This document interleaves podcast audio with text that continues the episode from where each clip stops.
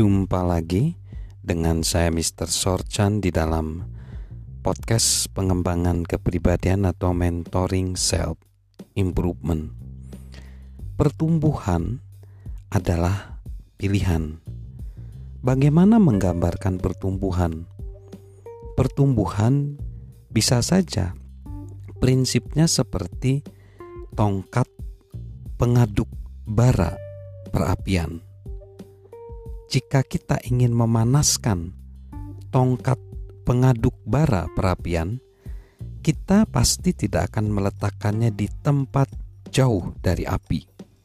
Tidak, kita akan meletakkan tepat di sebelah batu bara panas yang dekat dengan api, karena panas akan terhantarkan kepadanya. Begitu juga kita, kunci pertumbuhan bagi kita adalah bagaimana kita mendapatkan panas demi pertumbuhan kepribadian kita. Kita perlu mendekati orang-orang yang sudah panas. Caranya, satu, habiskan waktu dengan orang-orang yang hebat. Kedua, pelajari gagasan-gagasan hebat mereka melalui mungkin YouTube, media sosial, podcast, dan lain-lain. Tiga, kunjungi tempat-tempat yang hebat yang akan menginspirasi kita.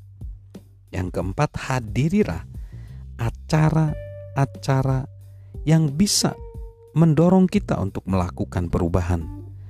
Tentunya dalam masa pandemi adalah online ya, pertemuan online. Dan yang kelima, baca buku-buku bagus Mengenai pertumbuhan, Benjamin Franklin berkata demikian: "Setiap kita terlahir dungu, tetapi seseorang harus bekerja agar tetap bodoh."